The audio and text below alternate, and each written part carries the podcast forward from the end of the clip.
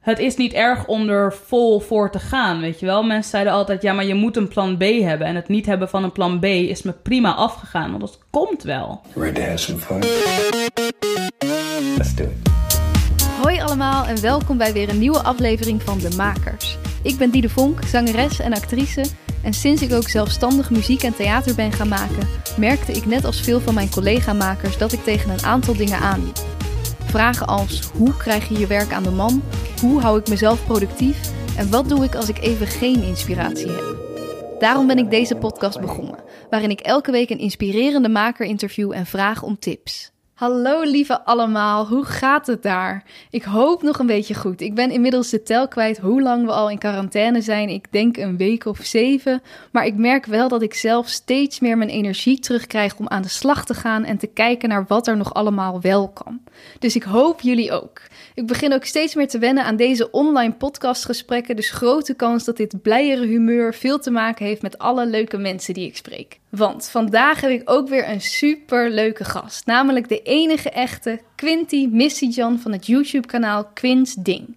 Quinty begon zes jaar geleden als de eerste vrouwelijke Nederlandse comedy-YouTuber. Wat begon als een jong meisje alleen achter een camera is inmiddels geworden tot een bedrijf met meerdere mensen in dienst, een kledinglijn, een groot kantoor, honderdduizenden volgers en aan kop een super inspirerende, ondernemende vrouw.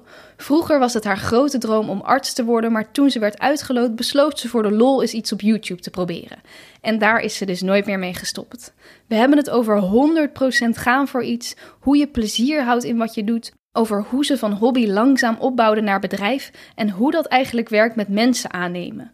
Wanneer begin je daarmee en hoe zorg je dat ze jouw creatieve ideeën begrijpen?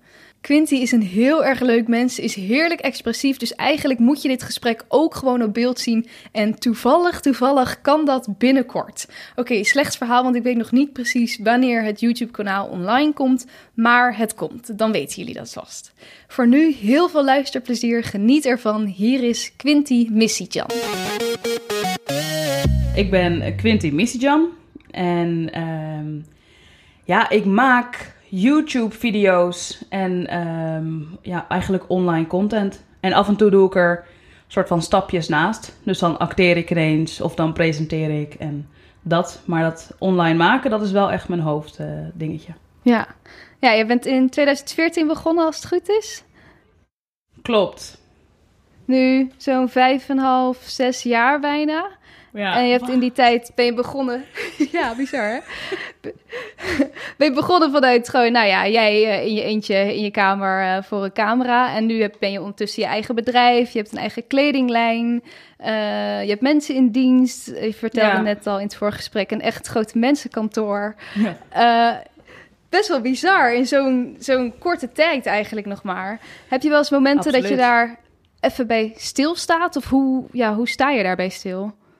Ja, ik probeer dat wel zoveel mogelijk te doen. Gewoon af en toe eventjes um, bedenken dat dit allemaal best wel gek is.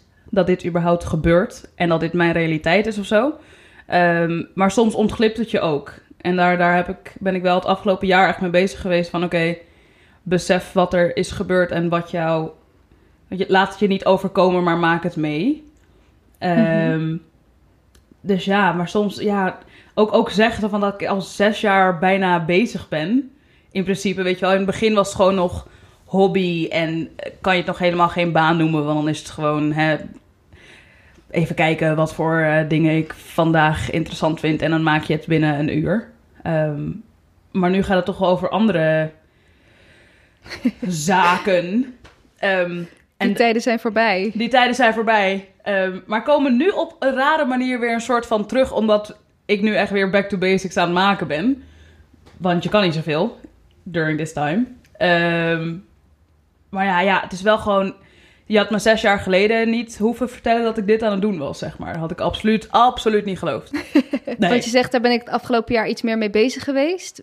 Zijn er ja, concrete dingen die je hebt gedaan? Ja, ik vind dat zelf altijd lastig van hoe ben je daarmee bezig? Ga je dan stilzitten en opschrijven en dankbaar zijn? Of hoe, ja, hoe doe jij dat? Ja, ik heb um, een paar jaar geleden, en ik, ik merk dat dus meer makers, creatieven dit doen. Um, maar ik ga dus alleen op reis. En Oh. dat doe ik ongeveer één keer per jaar. En ik denk niet dat het er dit jaar van gaat komen. Misschien een hutje op de hei of iets. Op de hei ergens. Ehm, in een boomhut. Maar eh, ja, nee, dat, dat doe ik nu al sinds, ik denk 2015, 16 was het moment dat ik eventjes eh, helemaal niet wist waar ik heen wilde. Want ik wilde geneeskunde studeren altijd. Toen kwam dat YouTube als een soort van hobby. En ineens lag ik in tweestrijd met mezelf van... Oh shit, ik weet niet zo goed welke kant ik nu op wil. Ik weet het gewoon niet. En toen ben ik eh, op reis gegaan, want ik dacht... Ja, er is nu zoveel geluid om me heen. Zo van... Er is, er is altijd wel social media, al helemaal met het werk dat ik doe. Ehm, je hebt je management die je om, om dingen vragen en met je bezig zijn, wat fantastisch is. Maar op het moment dat je zelf niet weet waar je mee bezig wilt zijn, is dat heel lastig. Ja. Ehm, dus toen dacht ik, ik moet gewoon eventjes helemaal alleen weg. En dan ook niet mijn camera meenemen om te filmen of whatever. Ik nam hem mee omdat ik weet, fotografie vind ik soms ook interessant. Maar ik ga gewoon doen wat ik vanzelf dan ga doen. Weet je wel, als dat is boeken lezen, dan ga ik boeken lezen. Als dat is eh, video's maken, dan is dat video's maken. Maar ik ga gewoon eventjes kijken wat er gebeurt als er niet zoveel rumoer om me heen is. En, En dus ook niet met een plan, als in ik ga die dag dat doen. Of gewoon echt Nee. even kijken wat komt. geen enkel plan. Dus ik ehm, ben niet zo avontuurlijk dat ik dan een, een tas pak naar eh, Thailand. Maar ik ben gewoon veilig naar Londen gegaan. Een plek waarvan ik dacht, oké, dat stimuleert me ook, weet, weet je wel. Ehm, en toen ben ik daar gewoon gaan zijn. En toen ineens vond ik dat ik weer ging schrijven. En dat was iets wat ik echt al heel lang niet meer had gedaan. Ik maakte af en toe natuurlijk mijn sketches, maar ik was niet echt aan het schrijven. Terwijl ik dat op de middelbare school dus wel echt deed. En toen dacht ik, oh. Echt verhalen schrijven? Of eh, ja, ik, ik, ook sketches? Of... ik ging daar per ongeluk zeg maar gewoon afleveringen schrijven van een serie die niet bestond. dus ineens bestonden er karakters in mijn hoofd en was daar een storyline. En toen dacht ik, ah, dit vind ik wel echt fantastisch, zeg maar. Hier, hier, hier zie ik mezelf wel in. En ehm, nou ja, het eerst mogelijke wat je dan kan doen als je scripts wil schrijven. En ik wist, ik, nou ja, ik kan een camera pakken en dingen maken. Zijn sketches maken. En toen eh, ben ik die eh, route opgegaan. En sindsdien vind ik dat moment alleen zijn echt heel belangrijk elk jaar. Omdat ik weet, daar ga ik weer vinden wat ik wil. Ehm, Ja. Dus ja, zo is, is dat er een beetje ingekomen. En dat geeft je wel oprecht rust om weer even te kijken van... oh ja, take a step back. Wat heb ik allemaal gedaan het afgelopen jaar? Wat was ontzettend tof? Ik heb gelukkig mensen om me heen die me ook echt wel reminden van wat er gebeurt. Zeg maar, weet je wel, Mhm. mijn beste vriendinnen die gewoon... Mijn beste vriendin toevallig, die, die studeert wel geneeskunde. Die zegt ook af en toe zo van... Dude, wat was dat doe toen jij? ook al je beste vriendin? Ja, ja, wij waren echt... ehm, ik weet niet, kijk jij Grey's Anatomy? Oeh, wel lang geleden gedaan. nou ja, echt te lang geleden. Bestaat is het oké. nog steeds eigenlijk? Jazeker, jazeker. Maar daar heb je eh, Meredith en Christina. En dat zijn Oh, twee... eh, ja, nou ja. Zo, zo voelden wij ons altijd, weet je wel. Zo van, wij zijn die twee en dat, we gaan helemaal die school door en whatever. Ehm, en toen ging dat ineens niet door. Dus dat was echt een soort van mega drama moment voor ons allebei. Ehm, maar ja, die, die, die was toen ook al mijn beste vriendin. Dus dat is ehm, ja, wel heel fijn om nog steeds te hebben. Gewoon iemand die je al sinds forever kent. Precies, voor dit alles. En, Ja. eh, en lijkt me inderdaad super waardevol. Zo elke, elk jaar in ieder geval even een moment pakken van ik ga er helemaal uit. En laat je dan ook alle social media, alles even... eh, ja, eh, hoe heet het? Stop je daar dan even helemaal mee? Nou, ik, stop, ik stop er niet helemaal mee. Ehm, maar dat is ook omdat ik social media gewoon oprecht heel leuk vind. Dus ik deed ook al als soort van hobby. En omdat ik het. Ik zit al sinds 2009, denk ik, op social media. Ik was al een, een van de eerste kids met Twitter. En ik vond dat helemaal het einde, weet je wel. Dus dat is voor mij Echt al ergens super ook... lang. Ja, ja, ja, het is echt al heel lang.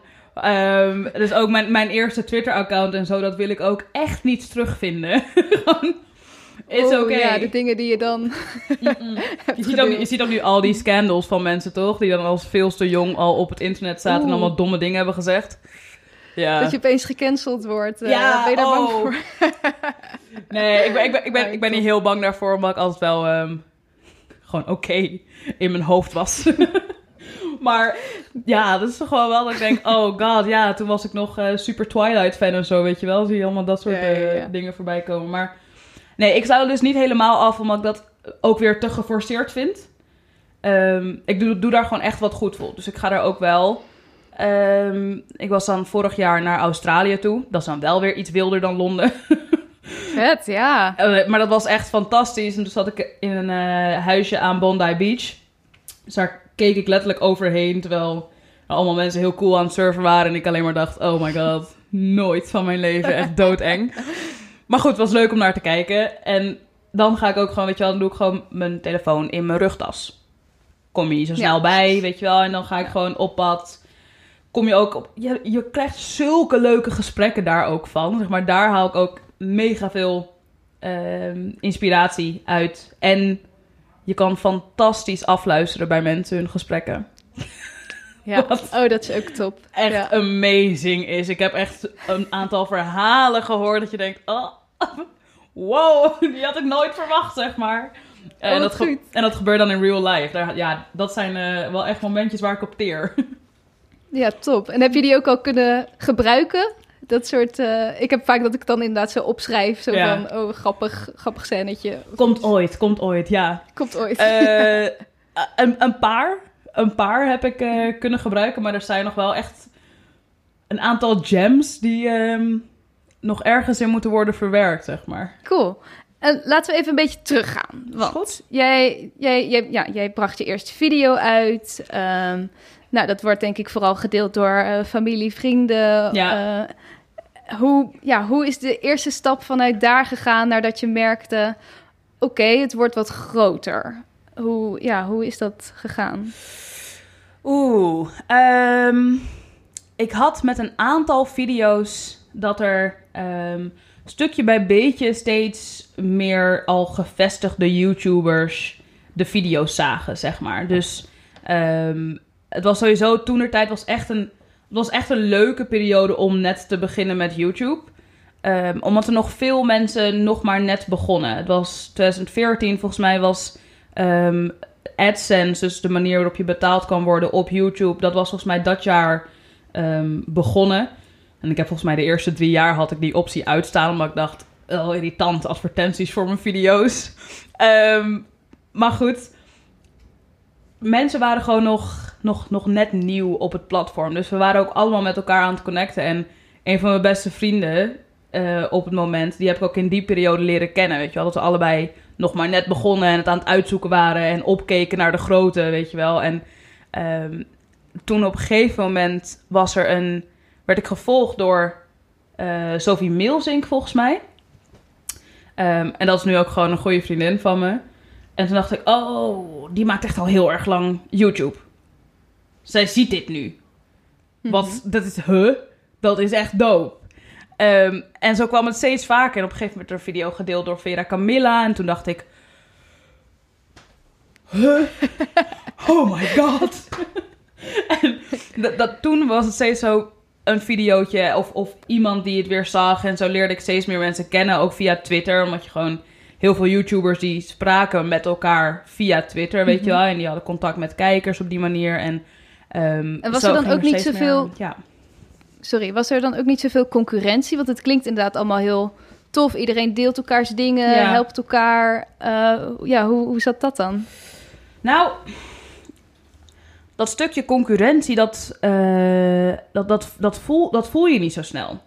Omdat, tenminste ik niet. Ik, als, als er een YouTube-kijker een bepaald soort content tof vindt, dan kan je er bijna donder op zeggen dat ze iemand anders die daar mogelijk op zou lijken, ook leuk zouden vinden.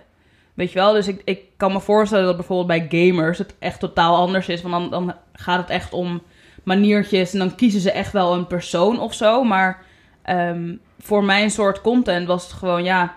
Ik was sowieso een beetje een, een uniek bijtje, want ik was een vrouw die comedy deed. Dat was een beetje zo... Oké, that's Ja. odd. Ehm, dus ja, dat, dat, dat, ik, ik had geen concurrentie ook. Ehm, Ja.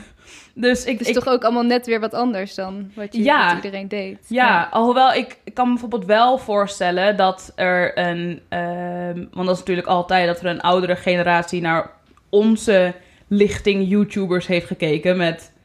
Wat komen die hier precies doen?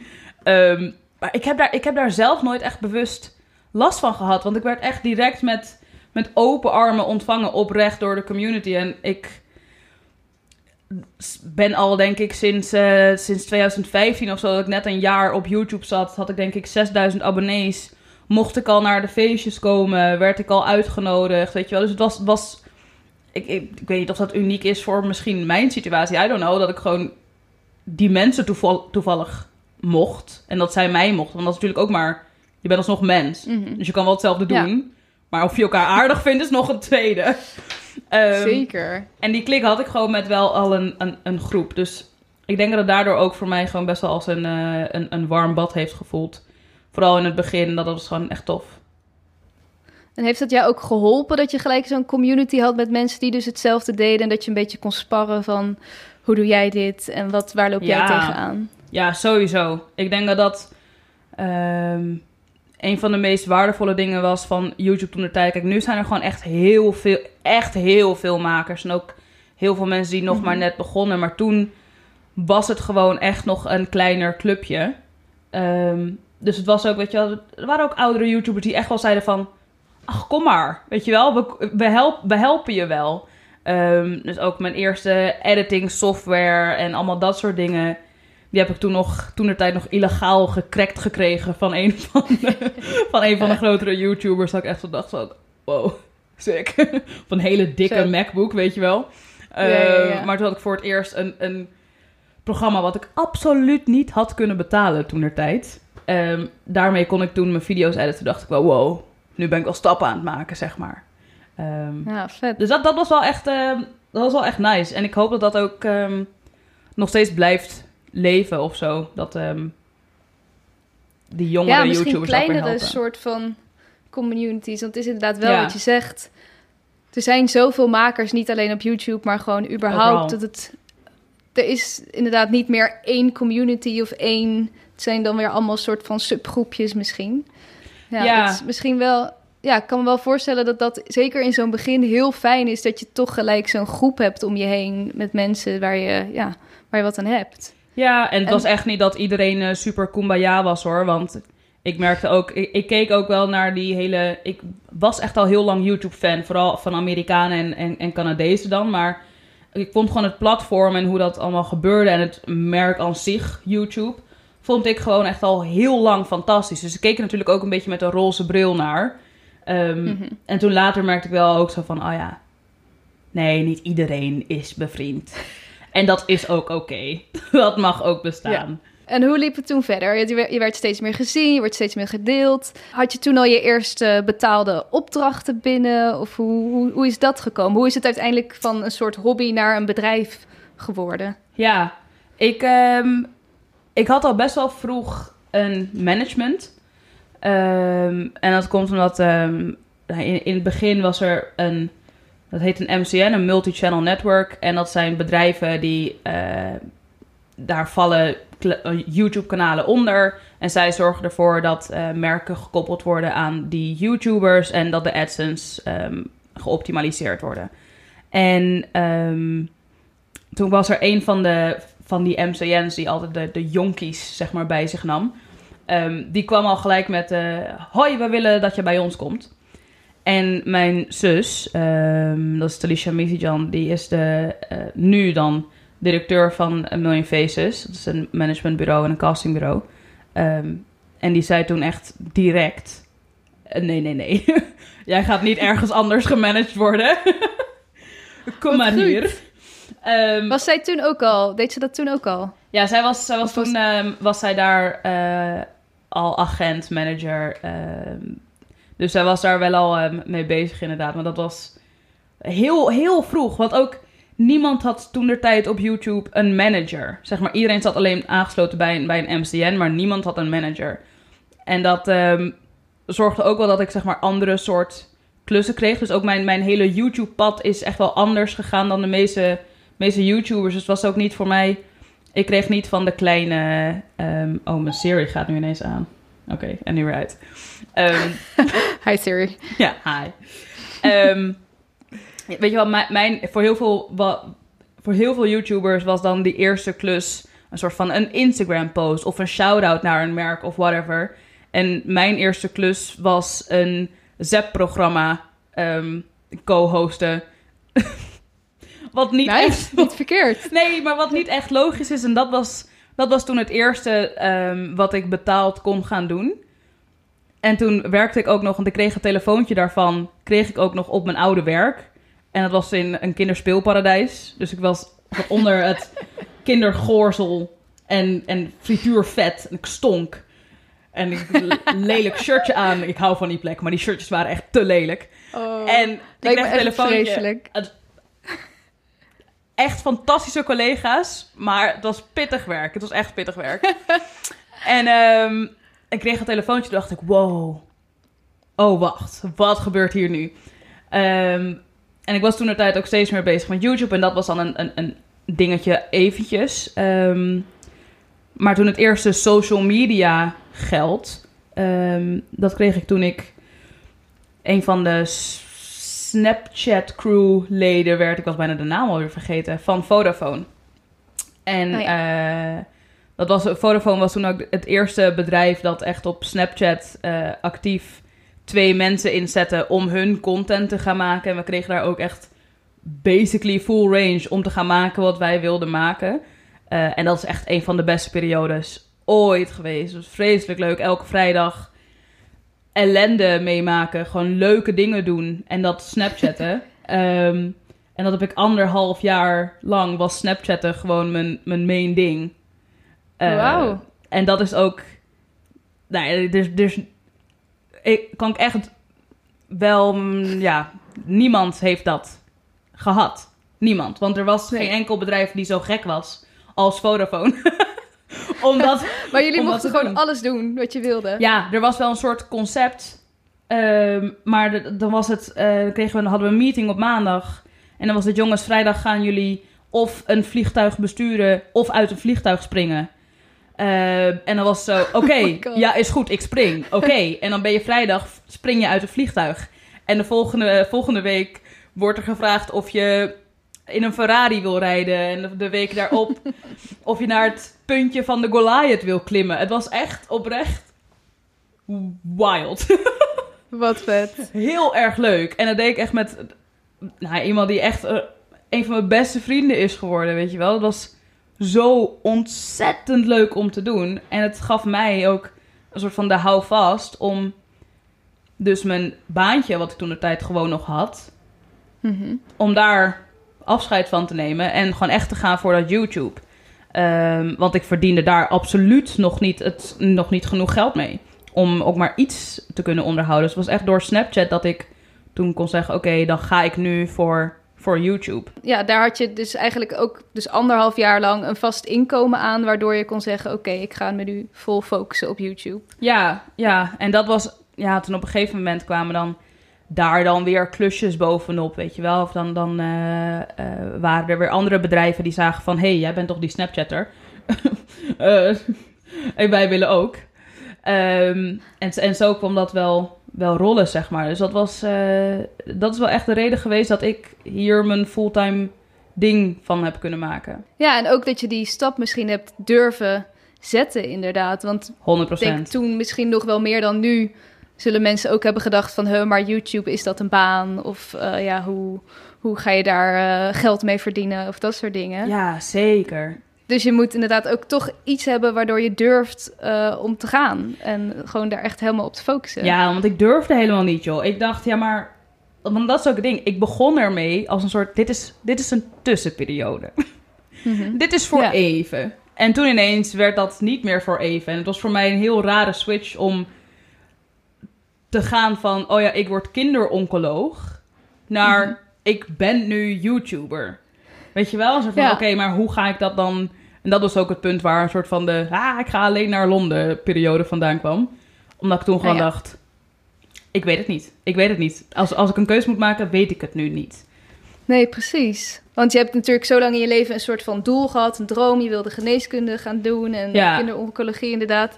En opeens is dat dan iets heel anders, wat natuurlijk waarin je merkt dat je, dat je dat heel leuk vindt. Ja. Maar het is misschien wel iets anders dan wat jij ja, je hele leven hebt voorgesteld. Ja, ik snap wel dat je daar dan even zo'n zo'n tijd voor moet nemen om dat even te laten bezinken.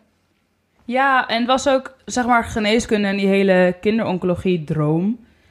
Ehm, dat, was, was, dat zat al echt, zeg maar, ik was al, ik zat in groep 7, denk ik, dat ik zei, ik wil kinderoncoloog worden. Dus ik, ik was echt al, nou ja, dan- dan ben je, hoe oud ben je groep 7? 10 of zo? Weet je wel, ik was al gewoon de helft van mijn leven bezig Ja. met kinderoncoloog worden. En dat is waar ik naartoe ging. Ehm, en daar ging alles ook over, weet je wel. Elke kans die ik had dat ik eh, een spreekbeurt kon doen over oncologie, deed ik dat. En dan was de volgende spreekbeurt, mocht het weer ergens over gaan. Nou, dan deed ik het over een speciale soort kanker, weet je wel. Dan ging het echt gewoon de diepte in. Dus ehm, ja, voor mij zat dat zo diep in mijn hart, weet je wel. Eh, elke vakantie stage lopen in het AMC en dan gewoon zeggen... Hallo, ik ben 16 en ik wil stage lopen. En als Ah. zij zeggen, dit, dit, dit kan eigenlijk niet. zei ik, jawel, je vindt wel een plekje voor me. Ik ben niet tot last. En dat ze dan mij daar laten rondlopen. Wat super Ja. weird is, want ik was gewoon middelbare scholier. maar zij vertrouwden me er wel mee.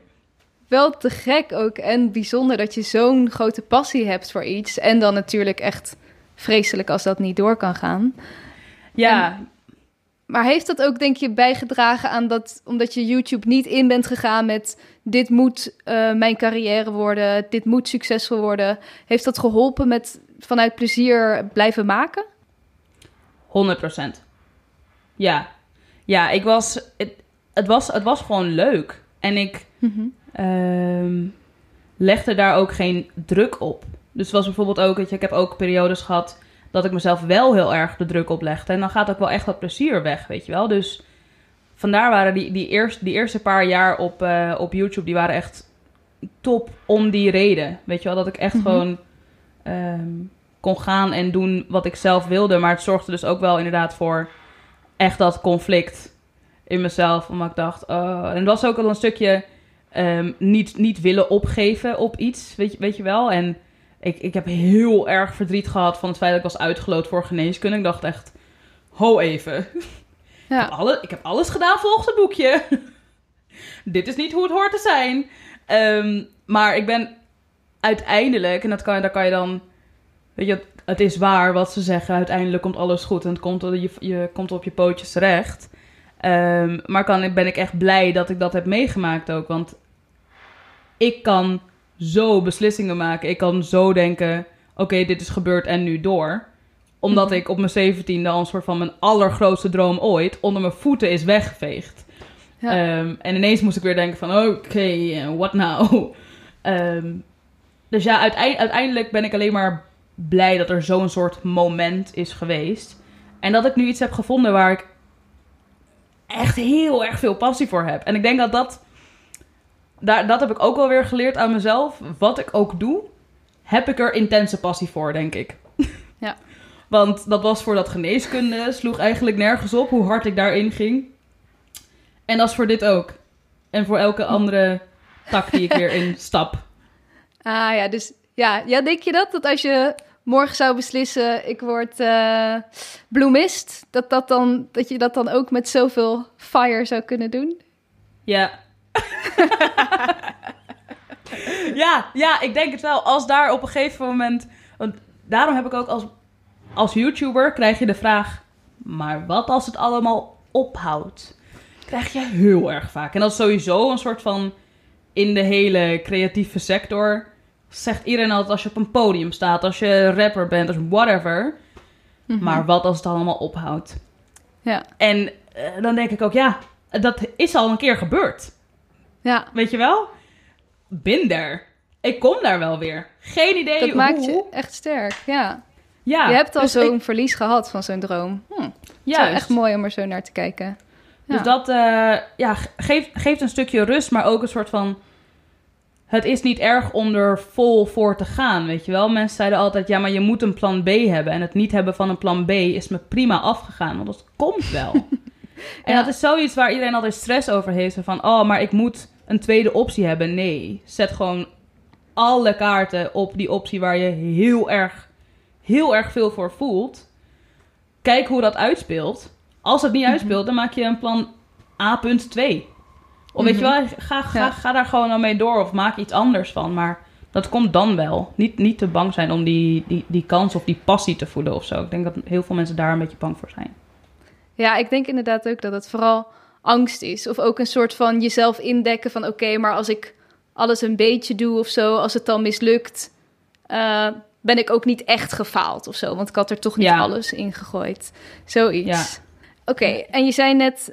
eh, nou ja, op het begin was het dus allemaal superleuk... maar je hebt ook periodes gehad dat het even... nou ja, wat minder leuk voelde. Omdat je... nou ja, toen werd het gewoon wel je echte job... en eh, ja. dan moet je gaan kijken, oké, wat hoe houden we dit leuk? En hoe, hoe is dat, eh, ja, wat was het eerste punt dat je merkte, oh, nu wordt het een soort moeten? Mm, ik denk dat het eerste moment dat ik ehm, besefte van... Oh, dit is misschien meer dan ik ehm, had verwacht. eh, was toen aan, het einde van die Snapchat-periode. Toen had ik echt heel veel ander werk. Dus toen, was ik echt... Nou ja, dan, dan was het ook even kijken wanneer ik weer weekend heb. Oh, eh, over vier weken. Ehm, dus er, waren echt geen vrije dagen. Elke dag was gepland van 7 tot, nou ja, wanneer mijn edit een keer klaar was. Weet je wel, en ik ben een snelle editor, maar soms dan eh, zijn ze pittig. En ehm, toen was er een moment op de eh Feed Awards was dat. En toen waren er net iets te veel mensen die mij eh, herkenden. En ik had dat nog nooit op die manier zo heftig meegemaakt om me heen. Eh, en toen had ik een paniekaanval. En ik heb dat nog nooit in mijn leven gehad. Dus ik dacht echt... Huh, wat? Wacht even. Dit is ineens heel erg Oh, daar ter plekke kreeg je een paniekaanval. ja, ja, dus ik kon... eh, Wow. ik, ik, ik wist niet waar ik... ik er was, was iets met dat ik niet ergens achter kon, kon en het was een beetje ingewikkeld allemaal. Ehm, maar die kids, er was op een gegeven moment een menigte om mij heen... die zo groot was dat ik niet meer kon zien waar ik heen ging of kon.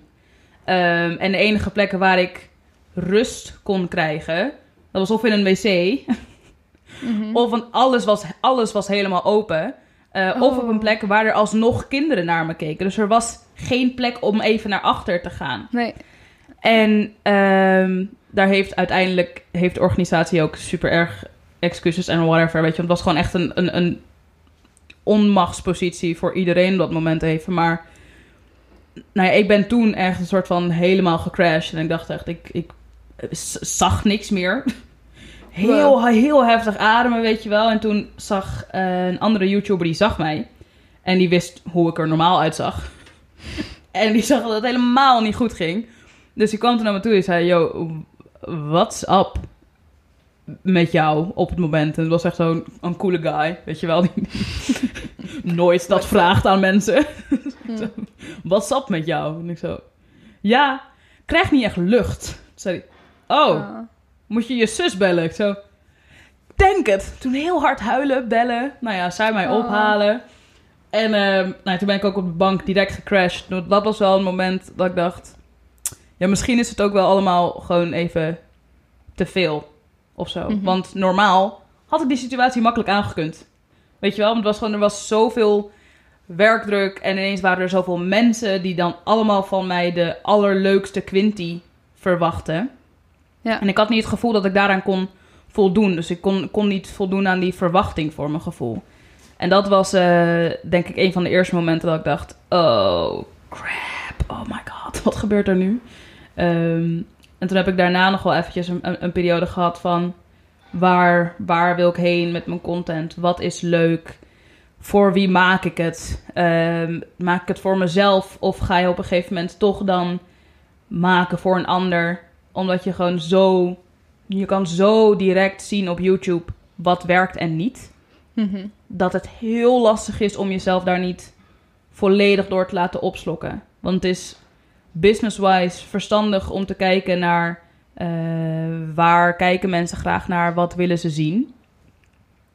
Maar voor, je, voor, de, voor de creaties die in je hoofd ontstaan... is dat heel pittig om je Ja. steeds daarmee bezig te zijn, weet je wel. En je krijgt echt meldingen van dingen. En op een gegeven moment bestonden er apps waarmee je kon zien hoeveel YouTubers groeiden. En dan ging je jezelf vergelijken. Van, oh ja, ik ben Oh. vandaag 1000 abonnees gegroeid en eh, die is eh, 2000 abonnees gegroeid. Wat doet die dat ik niet aan het doen ben, weet je wel? Dus het werd echt Ja. een soort van vergelijkingsgame. En ik werd helemaal gek van de getalletjes. En toen, ehm, ja, toen heb ik een soort van gewoon alle getallen ook uitgezet. dus toen heb ik echt al die apps verwijderd en gezegd: "In dit is zo giftig voor mij. Zeg maar, sommige mensen kunnen er Ja. goed mee omgaan, maar voor mij is het gewoon. Ik, ik kan er niet mee dealen om non-stop met die cijfers bezig te zijn. En ik heb het ook uit mijn omgeving. Heb, op een gegeven moment waren er ook heel veel YouTubers die daar gewoon geobsedeerd door raakten. Hoeveel Ja. likes heb ik? Hoeveel likes heeft de ander? Eh, kijk hoeveel die persoon is gegroeid. Weet je wel, dat, dat, dat Dat ook met elkaar helemaal benauwd ja. van. Ja, Ja, ja, dat het echt was... Oh ja, die video heeft binnen 24 uur 300.000 views gehaald. En dan ga je weer over jezelf twijfelen. En dan neem je dat Mhm. heel persoonlijk. Want dat YouTube-kanaal is jouw gezicht en je, jouw creatie en jouw alles. Het is ook een beetje alsof ze jou dan afwijzen. Ja, snap je? Dus dat, dat, dat voelt... Ja, dat, dat, is, dat is een heel gekke, gekke manier van maken. Met andere dingen presenteren, acteren. Daar, ligt, daar, daar is het gewoon een group game. Maar met Mhm. het YouTube-kanaal sta jij, sta jij aan, aan de, de kop. En ja, ja dat, dat is iets waar ik mee heb moeten, moeten dealen. En voor mezelf een soort van pad heb moeten vinden van... Oké, ja, maar hoe is het voor mij leuk? Ehm, en hoe blijft het ook voor de anderen leuk, zeg maar. Dus een soort middenweg in wat vind ik leuk en wat vinden mensen ook leuk om naar te kijken. Juist. En dat is ehm, een balans die ik even moest vinden. En dat, dat, dat, dat zal iets zijn waar ik ook, denk ik, altijd wel op mee zal struggelen of zo.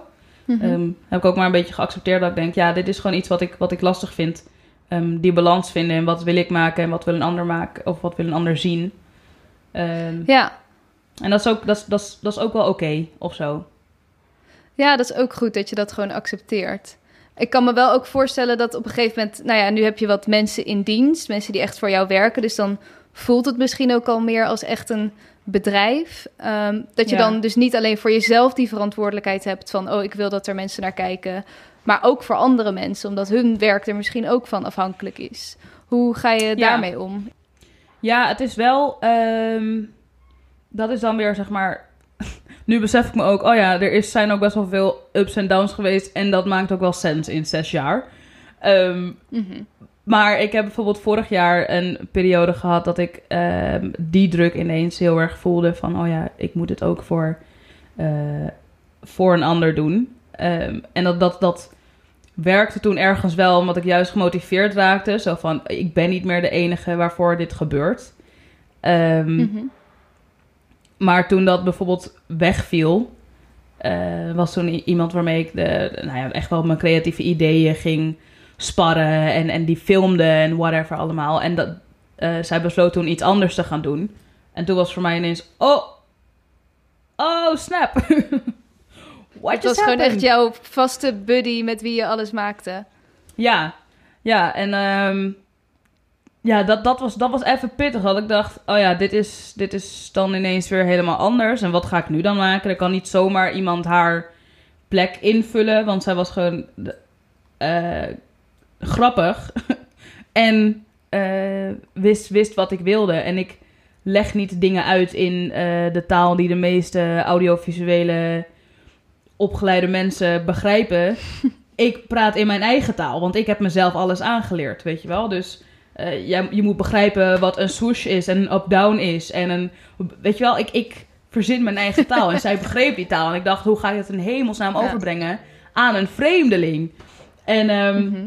Ja, daar, daar heb ik toen een, een, een tijdje ook weer mee, ge, mee, gevochten. Van wat, wat wil ik nou maken, wat wil ik nou maken? En dat, dat is eigenlijk het, het hele eind van 2019 nog wel doorgegaan. Tot ik eh, in februari weer zei van...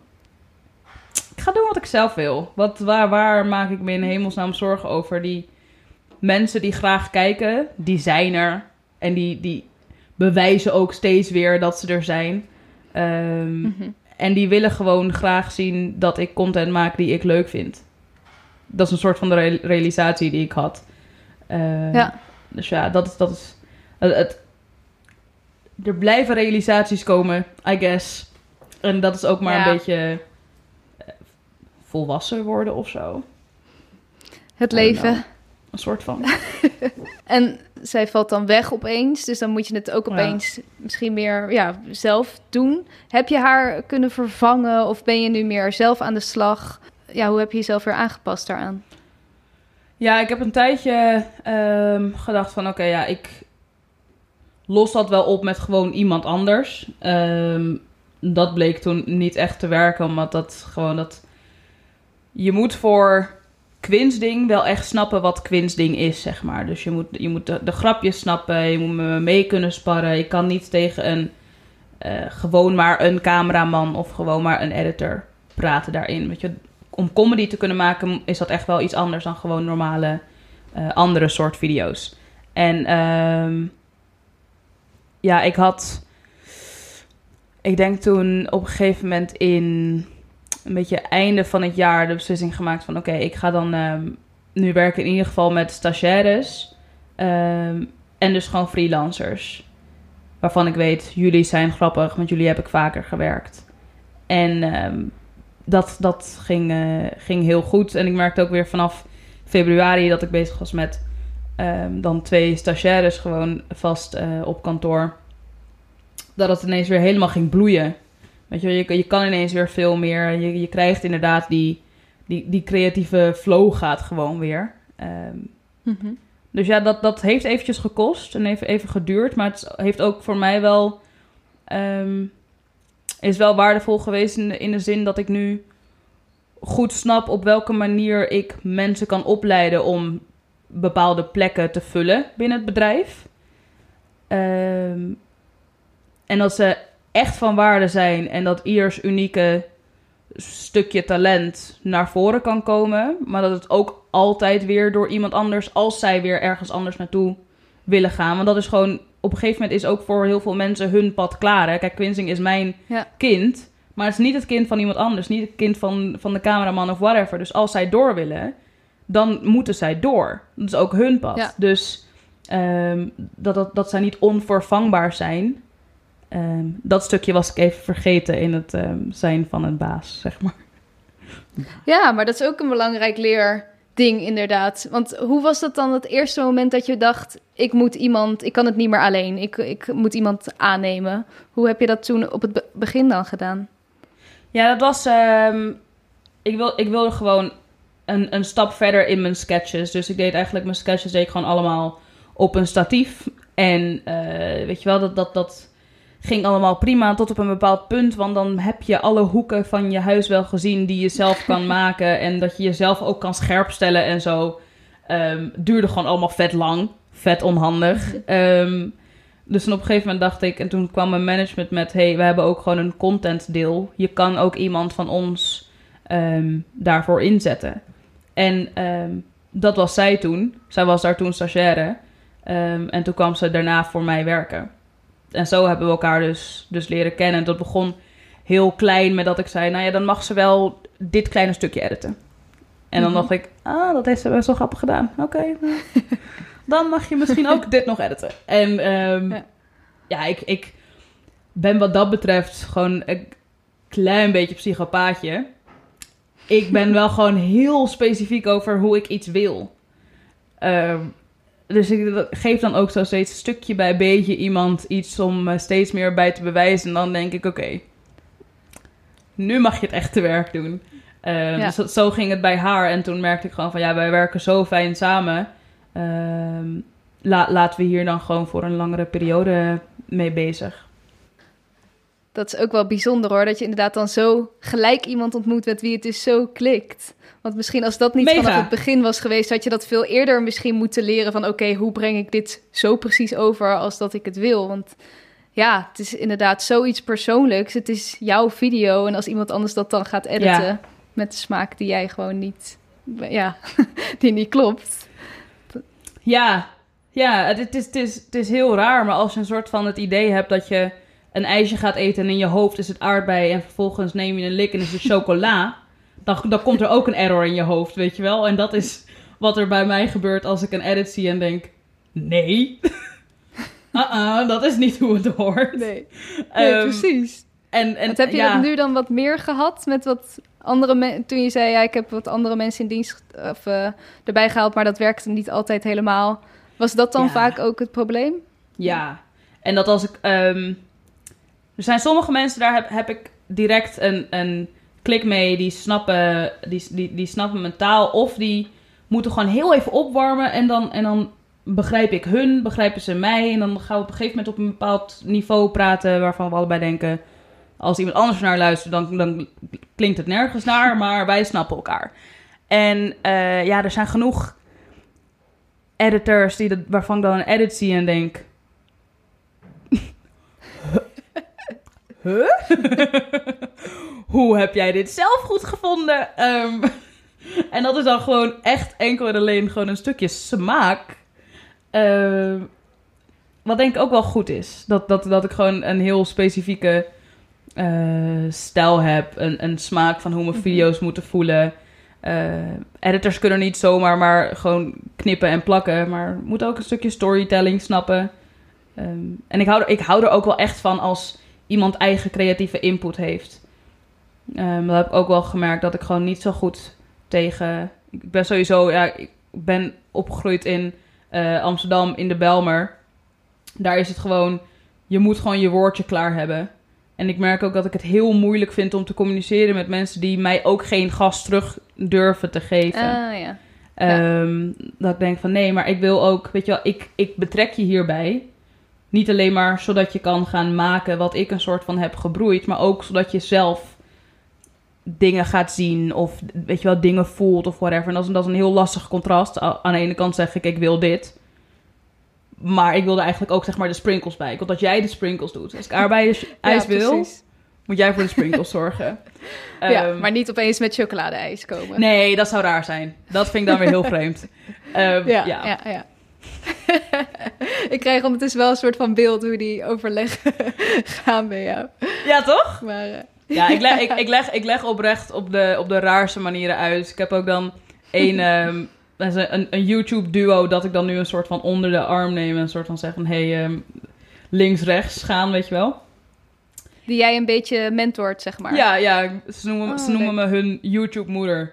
Which does not make me Oh. feel old at all. Oh my god. maar goed. Ja, je, jij bent nu gewoon een veteraan ondertussen. ja. oh. Dat is heel erg. Maar goed, ehm, een van hun die is echt... Nou, die is... Ik heb nog nooit iemand meegemaakt die zichzelf zoveel heeft geleerd qua editing, eh, graphics, maar gewoon echt, echt heel getalenteerd. En ehm, eh, hun proposal naar mij was... Oké, wij helpen jou dan af en toe met dingen als jij dan onze YouTube-moeder wil worden. Dus ik zo heel... Jongens, prima, is goed, doen we. Vonden ze helemaal chockering dat ik, dat ik prima zei. Chockering. Chockerend. Eh, dat, dat, ik, zei- dat, dat ik zei, ja, nee, is goed. Leuk. Eh, maar zij editen dus af en toe dingen voor mij. En hij... Hem, ik stuurde hem ooit een ehm, berichtje. En dat was, hey, ik wil een bumper. En ehm, het moet beginnen uit niks. Dan moet het oppoppen. En dan moeten er van die kringeltjes doorheen komen. Dan moet het een beetje liquefy. Dan moet je zo'n duimpje en dan een hartje en dan dit. En dan geld. En dan moet dat eh, geld moet doordraaien naar het logo. En dat logo moet dan weer wegvallen. Maar eerst moet de kleur en daarna moet het logo weg. En toen dacht ik... Ja, dit, dit, dit, dit is prima. En toen liet hij het zien. En toen zei hij... Quinn, voordat ik je laat zien wat ik heb gemaakt... wil ik eerst dat je nog een keer luistert naar wat jij hebt gezegd. En ik zo... nou, hoezo? ik vond het heel raar dat hij dat zei. En ik zo luisteren. Ik, oh my goodness. Dit slaat letterlijk nergens op. En hij laat me zien wat hij heeft gemaakt. En het is exact wat er in mijn hoofd zat. en ik, was, ik zei zo van, ja, maar Ah, blijkbaar sloeg het dus wel ergens op. En zijn de dingen die ik zeg wel een soort van triggering voor de mensen die ook een creatief oog hebben op, dat, dat, op die manier of zo. I don't know. precies. Maar toch een beetje snappen wat het moet zijn. Ja. Ja, maar dat ja. soort mensen wil je mee omringen natuurlijk. Dat Juist. is het fijnst. Ja, Ja. ja gewoon een heel team met dat soort mensen. Precies. En je zei net, oké, in, februari heb ik eh, inderdaad je eerste, ja, een beetje emotionelere YouTube-video gepost over, oké, vanaf nu ga ik gewoon, eh, ja, gewoon geen fucks geven over wat andere mensen willen zien van mij, maar gewoon doen wat ik zelf vet vind. Mhm. Eh, hoe, hoe is het gegaan tot sindsdien? Ja, goed. En goed. Ja, ik ben. eh, het, was, het was eerst nog eventjes dat ik dacht: oh, wacht, hoe gaan mensen nu ehm, dit, dit ontvangen of zo? Weet je wel? Ehm, ik heb dan nu een, een emotionele video gemaakt. Willen, ze nog wel of zo? Ik ben best wel een tijdje nu weg geweest en eh, die angst kwam eventjes weer. En eh, toen heb ik ook de eerste maand, denk ik, dat ik terug was, echt gewoon niet gekeken naar. Ik had al die apps ook verwijderd. Ik had geen YouTube Studio meer. Kon letterlijk niet eens mijn, mijn analytics in. Ehm, en toen ben ik gewoon gaan maken en gewoon ervoor zorgen van zorg er nou maar allereerst voor dat er in ieder geval elke week gewoon een video is. Ehm, Mhm. Weet je wel, eerst eventjes die belofte weer waarkomen. En toen dat op een gegeven moment goed ging en ik video's ging maken waarvan ik echt dacht: oh yeah, hier zit, hier zit een leuk verhaal in. Of oh, dat stukje moet erbij. Of oh, deze grap past hier perfect. Toen Mhm. dacht ik echt weer: dit was dus wat ik miste. Dat, dat, dit, dit stukje, I Ja. got it. Ehm, en toen kwamen ook, weet je wel, de mensen raakten ook gewend weer aan deze soort video's en dachten, kwamen meer abonnees bij en de views gingen omhoog. En ehm, ik heb wel geleerd om dat niet meer mijn motivatie te laten zijn. Dus het is niet als het slecht gaat, dan, gaat het, dan is het slecht. Of als er veel views zijn, dan gaat het goed. Nee, nee. Weet je wel, dat is niet meer mijn maatstaaf. Want het is ook niet, oh, gaat die video goed? Nee, die video is goed, want ik heb hem geüpload. Anders upload ik hem niet. En of, mensen, of er veel mensen naar kijken, dat ligt aan het platform. Dat ligt niet aan mij. Daar kan ik niks meer aan doen. Ik kan wel naar ze gaan gillen en, en bij de buren bellen. Maar al helemaal op het internet, het ligt niet in je handen. Weet je, wel, je, je kan de beste marketing proberen te verzinnen en whatever. Maar elke week je video hard laten gaan, dat is of een kwestie van heel veel mensen die gewoon consistent jouw video's kijken, dus dat weer voor zich krijgen geschoteld door YouTube. Of YouTube die denkt, dit vind ik een extra leuke video, dus deze zorg Mhm. ervoor dat al deze mensen dit gaan zien. Ja. Maar het ligt niet helemaal aan jou. Dus dan, dan kan ik ook niet een soort van mijn, mijn waarde of, of hoe goed ik het heb gedaan daaraan laten afhangen. Dat zou heel. En dat, dat is wel Mhm. iets wat heel veel mensen, mensen doen. En ook mensen bij heel veel ervoor zorgen dat ze er gewoon ofwel mee stoppen. Of ehm, er dus een soort van gewoon afklappen. Omdat het gewoon te veel is als je dat allemaal persoonlijk opvat of zo.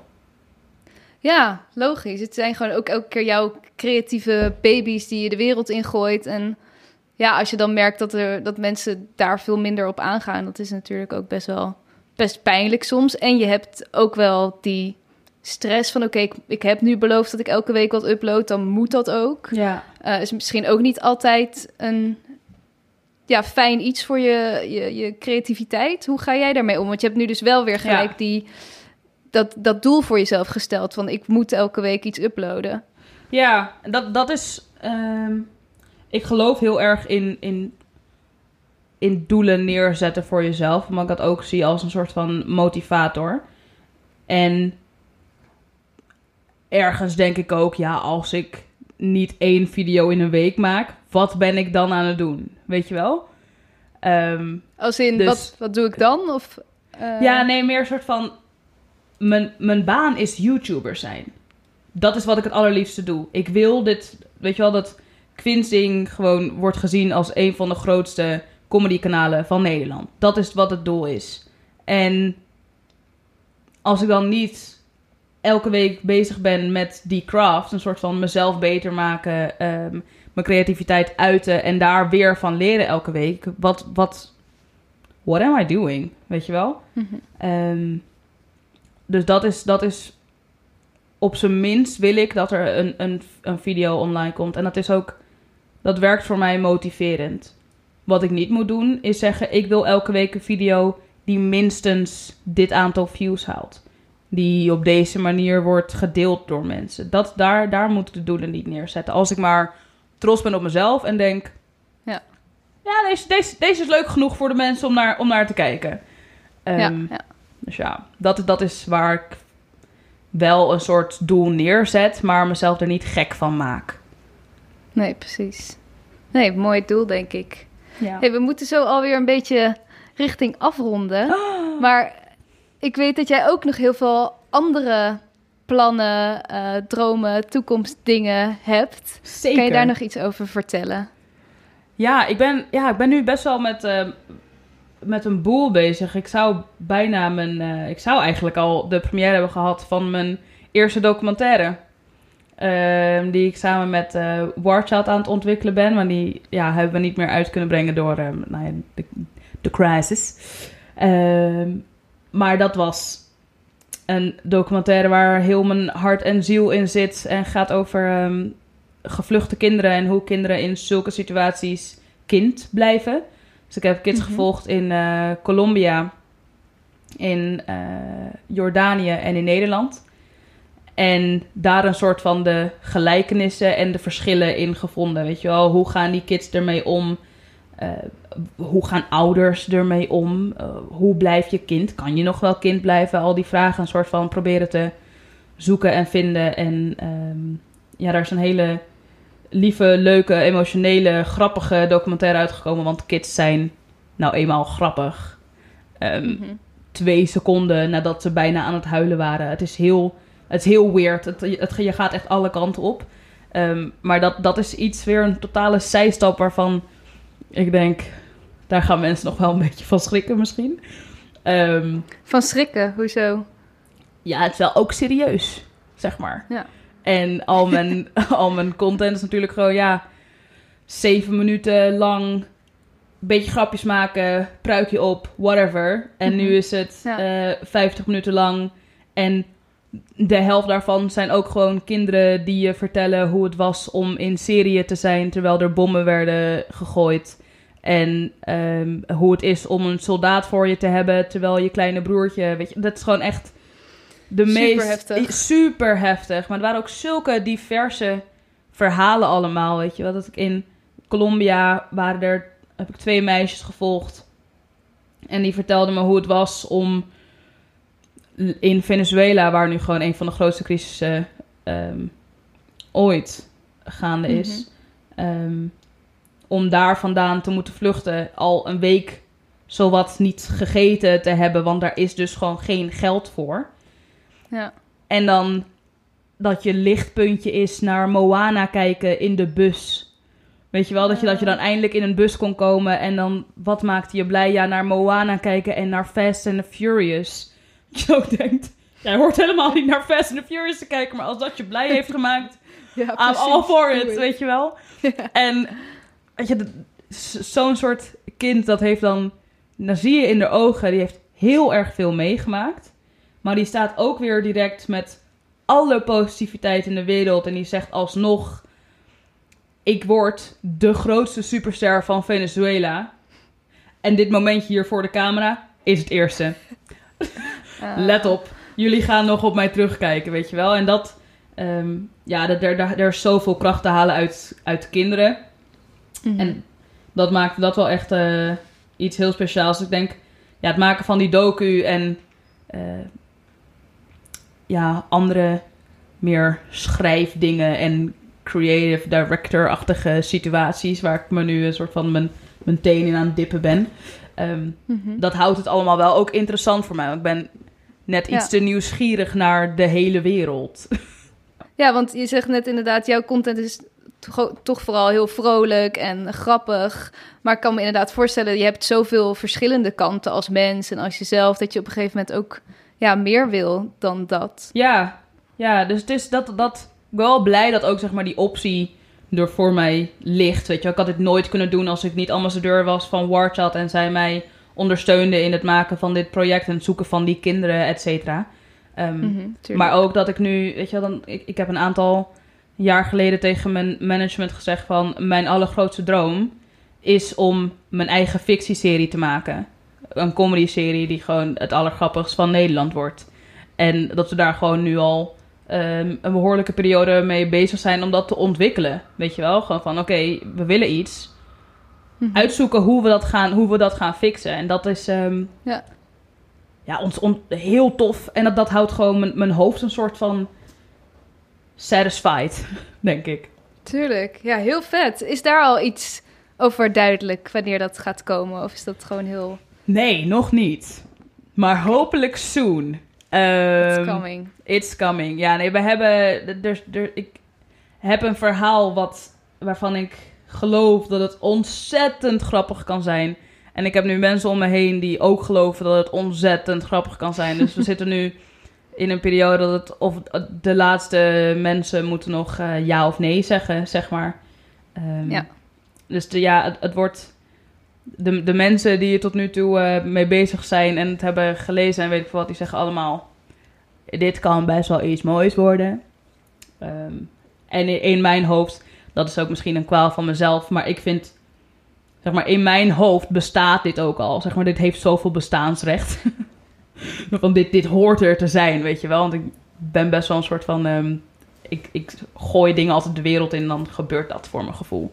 Ehm, dus zo ook met, eh, ja, deze Hoe serie. komt het, denk je, dat je daar zo...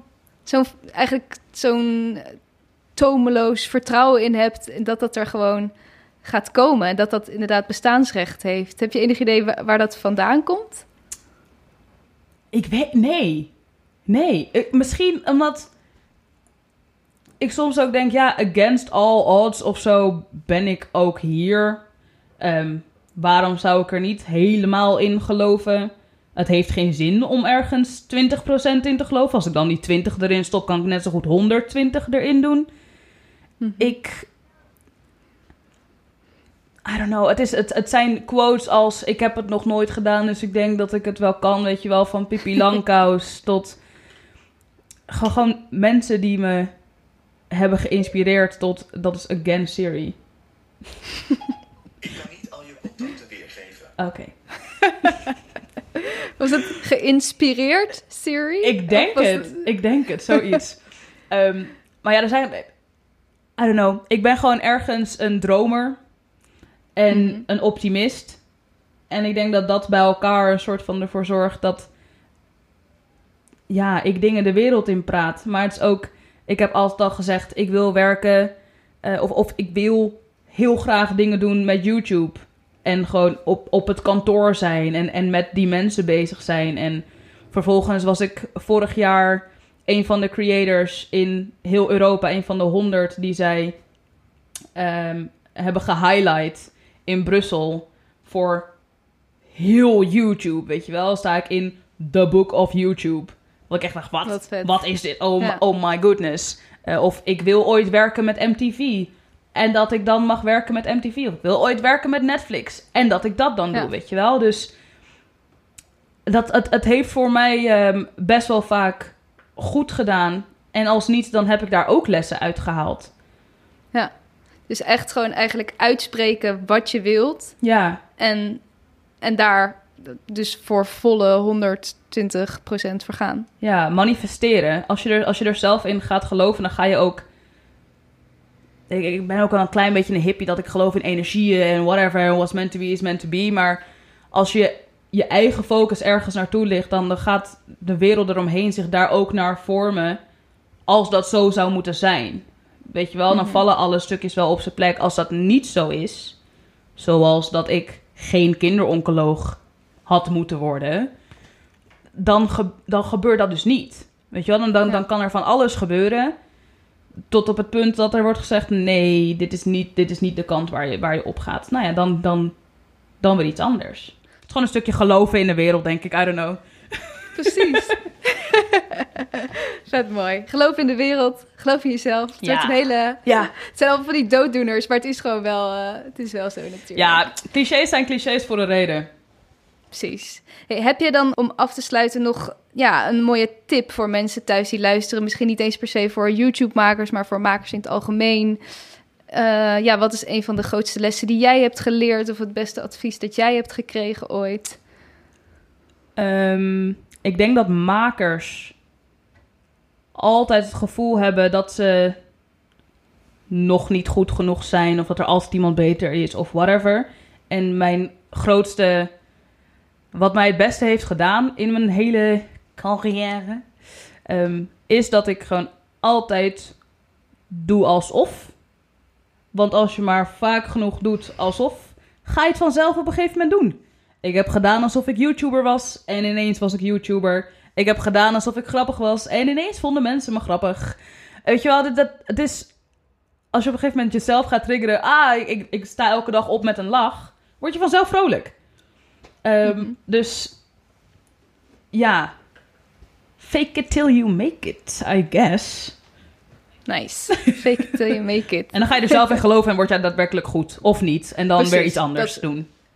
Ja, Dat- dat is ook wel Dus eh, tussen, belangrijk. tussen haakjes kwam die. Hey, top. Ehm, had ik je nog iets willen moeten vragen? Wil je nog iets kwijt? Ehm, hebben we iets gemist? Weet ik niet. Nee, nee. Ik denk dat we over hele leuke dingen hebben gehad. Denk ik ook.